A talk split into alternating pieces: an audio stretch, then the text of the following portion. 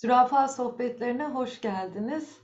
Uzun bir, bizim için uzun bir aradan sonra e, tekrar özgürlüğe giden yol matrisinde kaldığımız yerden devam ediyoruz. Evet, araya hayat girdi, olaylar girdi. Ee, o yüzden biraz uzak kaldık. Bakalım bugün neler konuşacağız? Şimdi bugün düşman imgelerini eritmek diye çevirmiş arkadaşlar.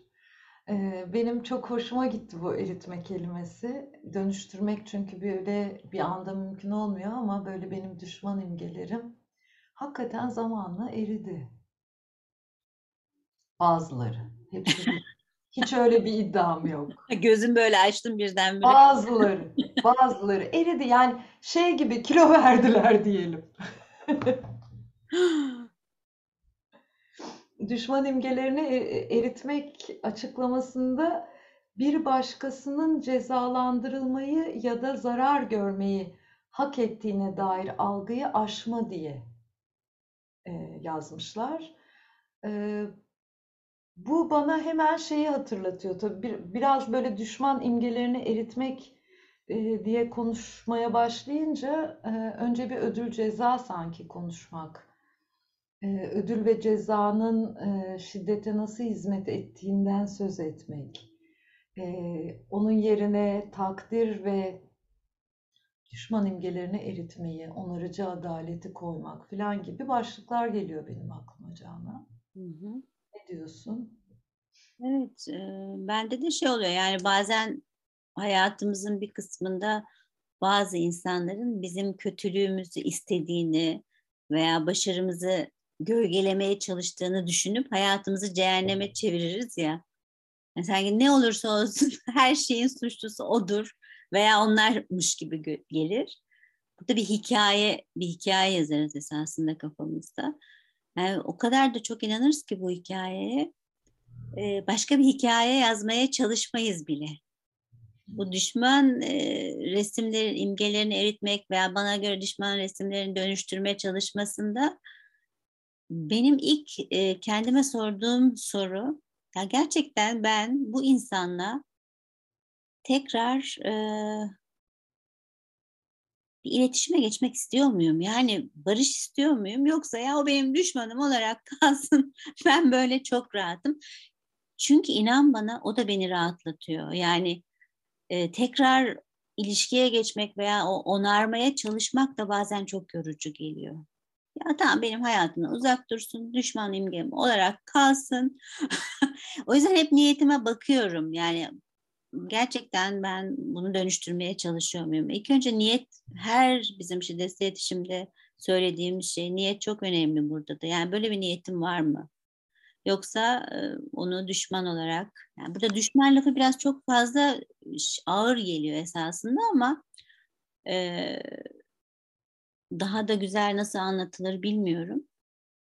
Ee, o yüzden hikaye çok önemli. Yazdığın hikaye ne ve karşındakinin de hikayesini merak ediyor musun?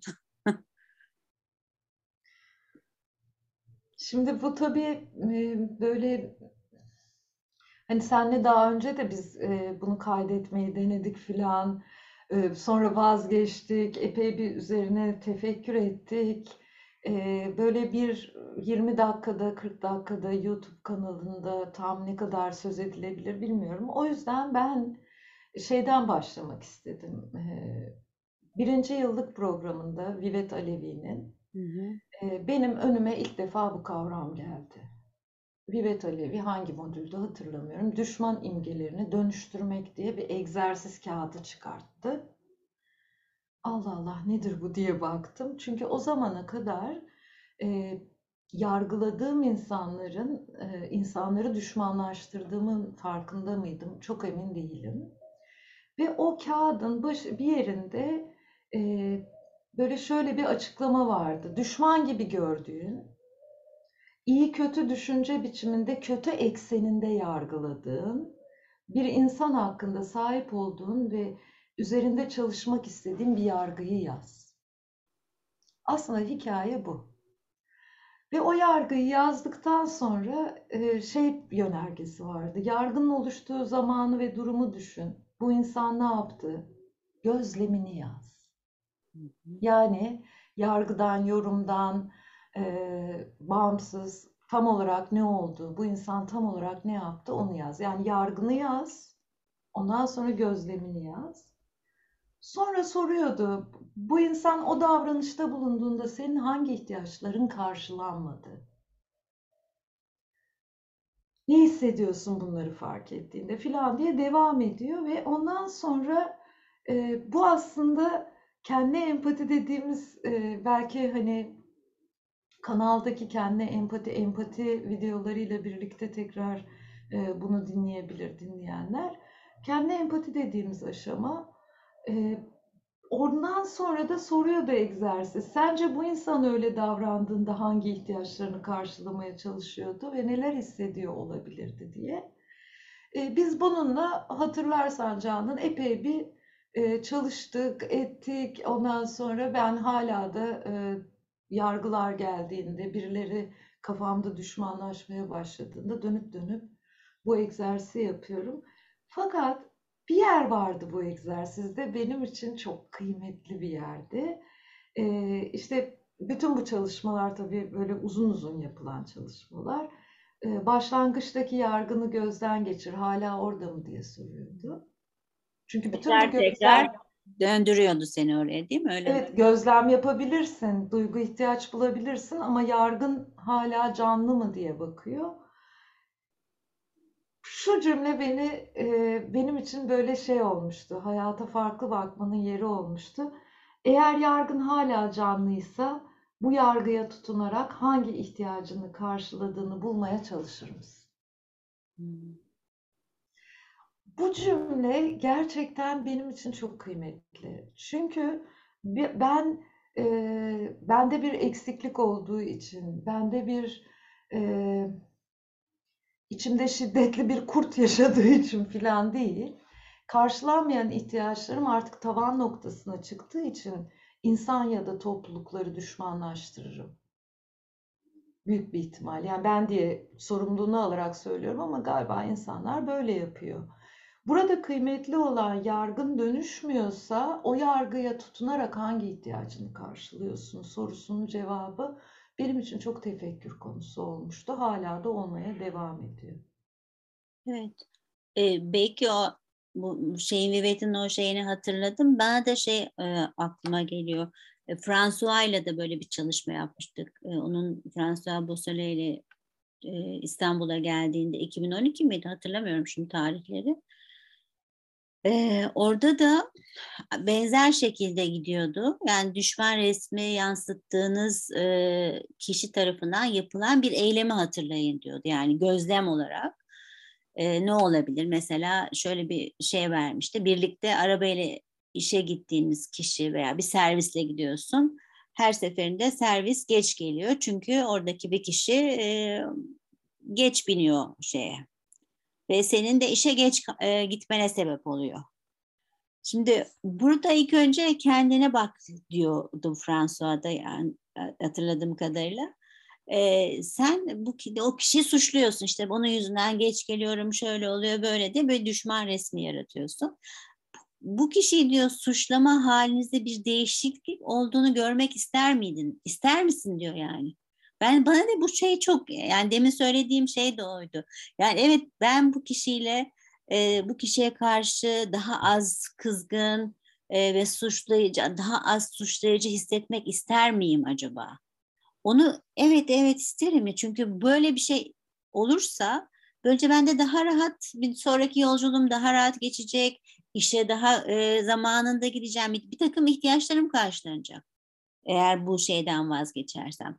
Ama bu düşman resmine bir de tutunuyor olmak var. İlla böyle şey yapmak değil mi? O, onun yüzünden o, hiçbir şekilde diyaloğa girmek istemediğin durumlar da olabiliyor. Orada da başka ihtiyaçlarımız karşılanıyor herhalde. Biraz kırılganlık da var orada. Gidip konuşmuyoruz mesela. Konuşmayarak e, devamlı onu suçlamaya şey yapmaya devam ediyoruz. Orada da başka herhalde e, noktalar devreye giriyor. Başka ihtiyaçlar de, devreye gidiyor. E, o zaman şey demişti. E, bak bakalım demiş. Yani burada sen çıkamıyorsan o zaman bu çalışmaya alıştırmayı yaparken daha az suçladığın veya daha az böyle kızgın olduğun bir örnek seç. Çünkü buradan bir yere gidemiyorsun ya bazen alıştırmalarda olmuyor. Tekrar başa dön. O zaman daha hafif e, biz dinleyenler de e, veya izleyenler de bu çalışmaları yaparken o zaman daha basit bir örnekten de gidilebilir. Yani 10 üzerinden 9'da değil de 10 üzerinden 2 ile gidip yavaş yavaş bu kendine bakmak. Ya ben kızarak, suçlayarak da bir ihtiyacımı karşılıyorum.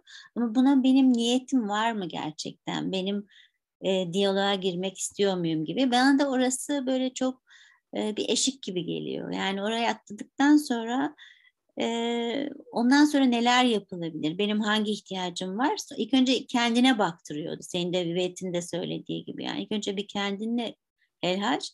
Ondan sonra karşı tarafın acaba 10 dakika, 15 dakika servise geç binmesinin acaba hikayesi ne olabilir? Acaba onun evinde bakmak zorunda olduğu bir anne mi var? E, çocuğuyla ilgili bir şey mi var? Kocasıyla işleri bitiremiyor o yüzden mi geç geliyor? Yani bir sürü başka hikayeler olabilir. Yani bütün amacımız zaten acaba karşı taraftaki ins- insan olduğunu hatırlamak. Düşman değil de insan olduğunu hatırlamaya yönelik bir yolmuş gibi geliyor bana bütün bu çalışmalarının sonucunda. E ondan sonra işte yavaş yavaş yolculuk başlıyor gibi geliyor. Bilmiyorum sen de nasıl canlandı? Yani yolculuk kelimesinden almak istiyorum. Şimdi ben e, şiddetsiz iletişimin amacı, niyeti ne e, konusuyla çok bağlantılı buluyorum. Bugünlük hayatta, e, ilişkilerde anlaşmazlıklar meselemiz, e, işte yargılamak, dönüştüremediğimiz yargılar diye baktığımda ben, e, tabii ki hani arkadaşlıklar, eşler arası meseleler oluyor. Aynı zamanda Şiddetsiz iletişim gönülden alıp vermeye dayalı şefkatli bir akış içinde yaşayan bir toplum özlüyor. Yani ben Marshall Rosenberg'in toplumsal dönüşüme hizmet etmek için e, şiddetsiz iletişimi e, bizim hizmetimize sunduğunuzu sunduğunu düşünüyorum ve biraz da inanıyorum da buna. Şimdi böyle baktığım zaman ödül ve cezanın yarattığı şiddet, onun yerine e, takdirin ve geri bildirimin geldiği bir e, toplum filan, barış içinde yaşayan bir toplum oluşabilmesi için e, yani günlük hayatta ben kendi arkadaşımla meselelerimi çözebilmeye başlamak istiyorum. Kendi arkadaşımı düşmanlaştırmaktan çıkarabilir iç ve dış kaynaklara sahip olabilmek istiyorum. Bu bazen hiç kolay değil. Benim için mesela benim böyle dönüştüremediğim bir takım meselelerim var hali hazırda. Hiç kolay değil. Oralara baktığım zaman oralarda tabii ki bireysel geçmişim çok etkili olabiliyor. Travmalarım, ondan sonra işte geldiğim e, kültürel koşullanmalar vesaireler bunları da ayılmak önemli olabiliyor. Aynı zamanda bazı haller var ki daha büyük ölçekte düşmanlaştırdığım e, şeylerle ilgili söyleyeyim. Oralarda e, nasıl bir dünya istediğimle ilgili meseleler başlıyor. İşte barış istiyorum mesela. Ya da imtiyazlar filan meseleleri devreye girmeye başlıyor. Yani e, toplumsal içinde yaşadığımız sistemle ilgili sıkıntılar başlıyor. Bunların da bugünden yarına e, bir egzersiz yaparak yaparak çözülebilmesinin çok yani ben beceremedim. E, bunların çok böyle e, şiddetsiz iletişimin gerçekten bir toplu, to, topluluklara yayılması, toplulukların kendi yaz süreçlerini yaşamaları, karşılanmayan ihtiyaçlarıyla ilgili. Yaz süreçlerini yaşayan toplulukların e, daha önce birbirlerini düşmanlaştırdılarsa bir araya gelip birbirlerini duyabilmeleri falan gibi yerlere doğru gidiyor düşman imgelerini eritme başlığı benim kafamda. E, o noktada da e, şeyi düşündüm. Düşman denince tabii e, böyle düşünürken Canan şey geldi aklıma. Sonuç olarak adalet bir ihtiyaç. Adalet ama hangi adalet? iki tür adalet var. Çünkü cezalandırıcı adalet var ki çok şiddet şiddeti yani şiddete gebe bir adalet olduğunu düşünüyorum. Cezanın olduğu her yerde. Bir de onarıcı adalet diye bir şey var. Onarıcı adalet e, deneyimleri daha e, çok yaşanabilir olduğu yerler kısıtlı olduğu için e, nereye doğru gider bilmiyorum. Aynı zamanda e, Marshall Rosenberg'in Toplumsal Dönüşümün Kalbi kitapçığında söz ettiği e, hayatı zenginleştirmek yeni paradigmanın ana kavramıdır diye söz ettiği şey, şeye geliyor için.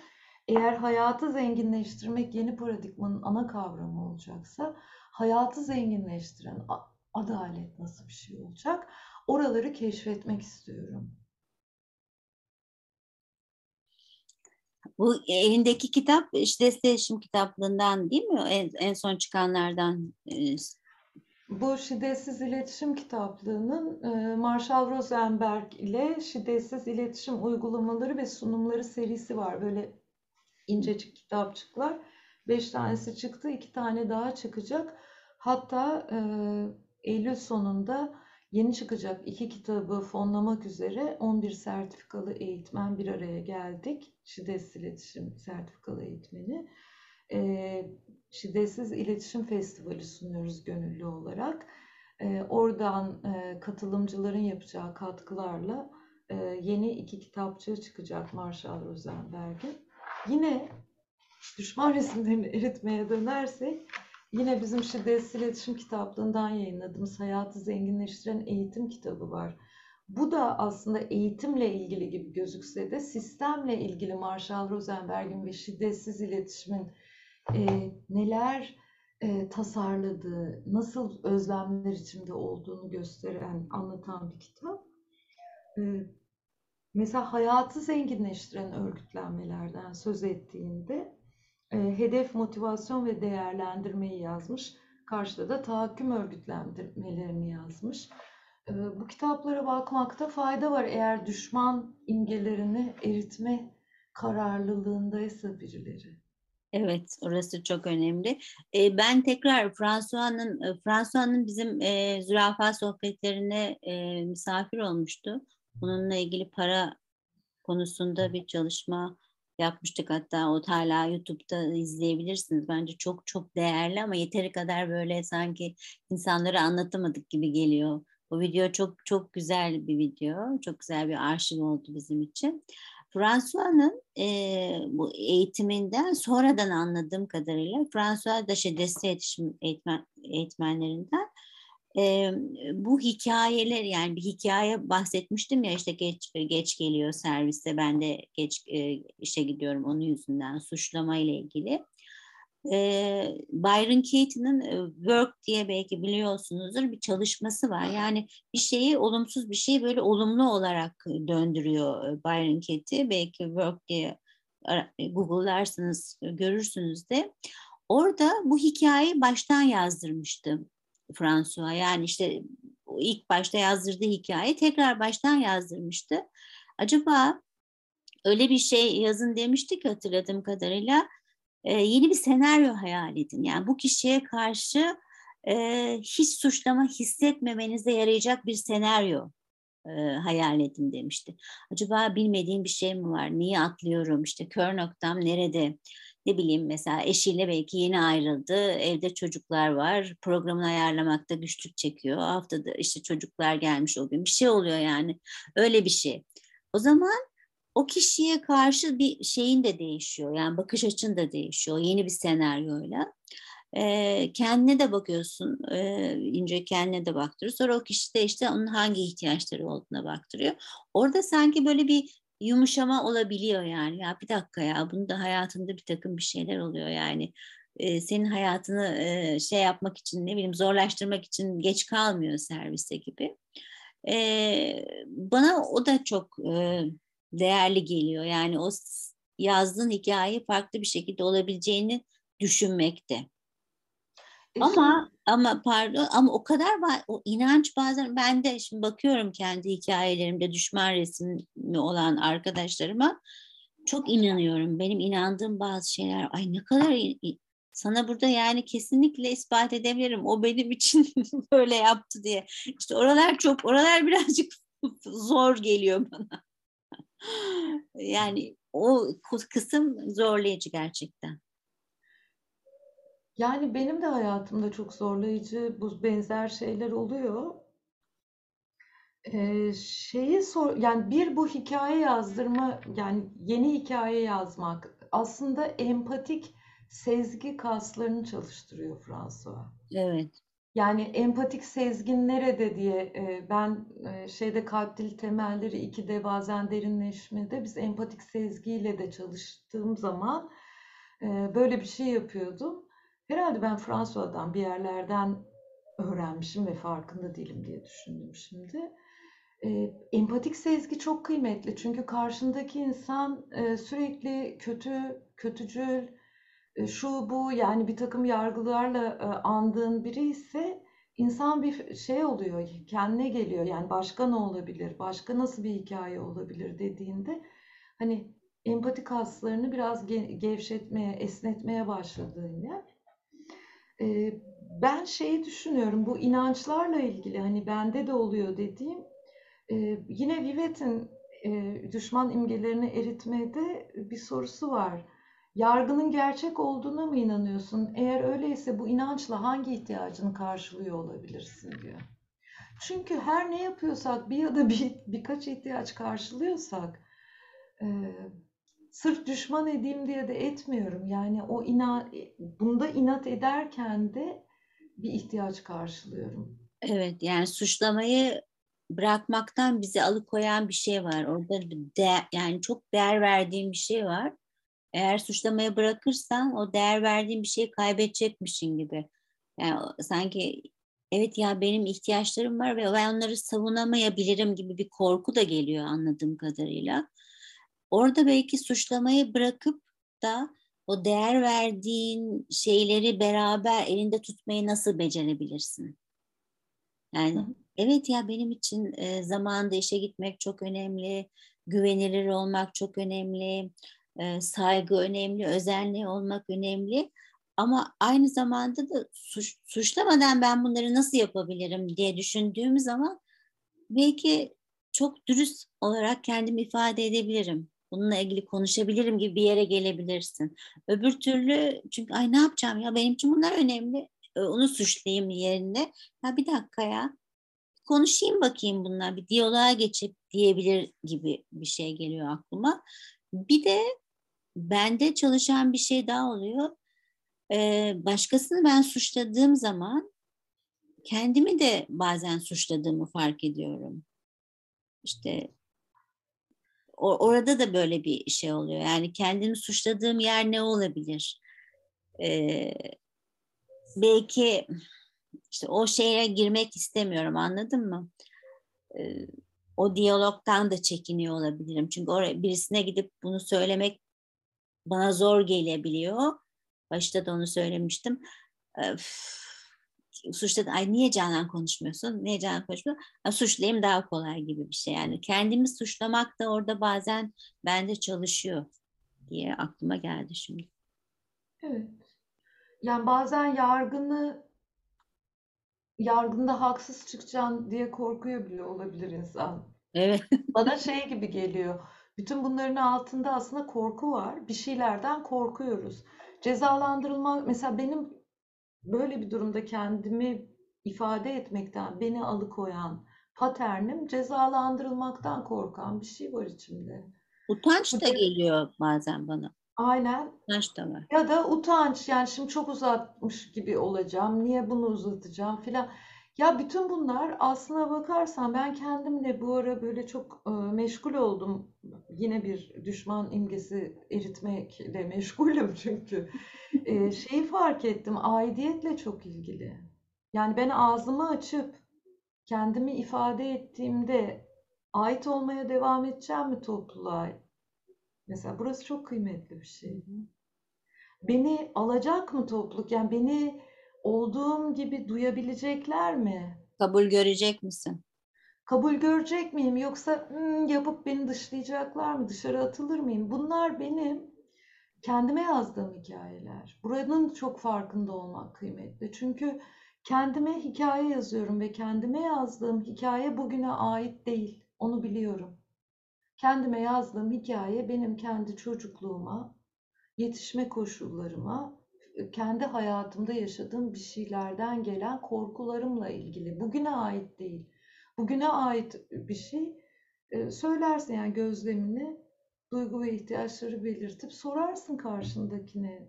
Yani ara, şey şu rahatlıktadır. Mesela bu korkular tetikler olması, e, üç gün üst üste 15 dakika e, sözleştiğimizden daha sonra binen birine gidersin serviste yanına oturursun, ne haber dersin. Ondan sonra da ya 3 gündür 15 dakika sözleştiğimizden daha geç geliyorsun servise. Hayırdır neler oluyor hayatında arkadaş? Bunu sorarsın. Bir sorarsın bağla evet bağlantı ricası yaparsın. Ondan sonra da dersin ki ya ben de çok sıkılıyorum bir de 15 dakika erken kalkmış oluyorum. Ben şeyi hatırladım servise e, servisle işe gittiğim zamanları çok sinir olurdum. Ya ben biraz daha uyurdum diye. O geldi aklıma.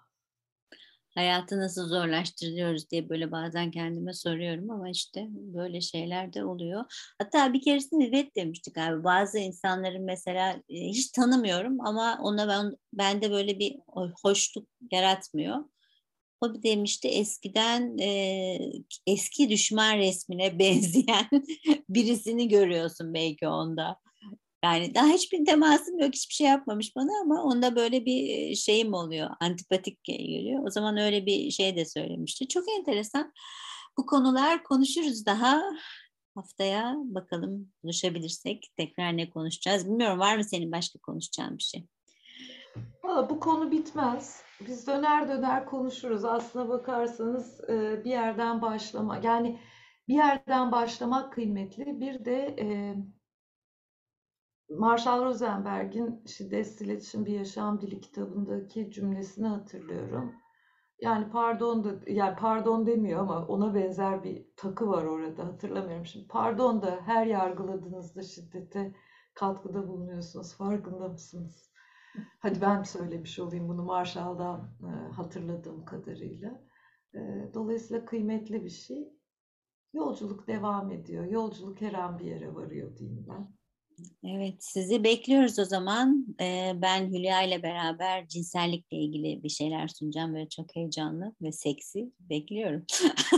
Şiddetsiz İletişim Festivali ile ilgili bilgi almak isterseniz Instagram'da Şiddetsiz Kitaplık hesabından takip ederek e, bilgi alabilirsiniz. Aynı zamanda Şiddetsiz İletişim Festivali Küçük Birleşik gmail.com'dan yazabilirsiniz yeni Türkçe kaynaklar e, kazandırmak e, için biz sizi hevesle bekliyor olacağız. Tabi buraya kadar dinlediyseniz bunu da şeyden öğrendim. Hmm, diğer YouTuber'lardan öğrendim. Kanalımıza abone olmayı, e, beğenmeyi ve mümkünse bir yorum yapmayı eğer gönlünüzden geçerse hatırlar mısınız? Ee, kanalımızın erişimi artıyor o sayede çünkü. Görüşmek üzere. Görüşmek üzere.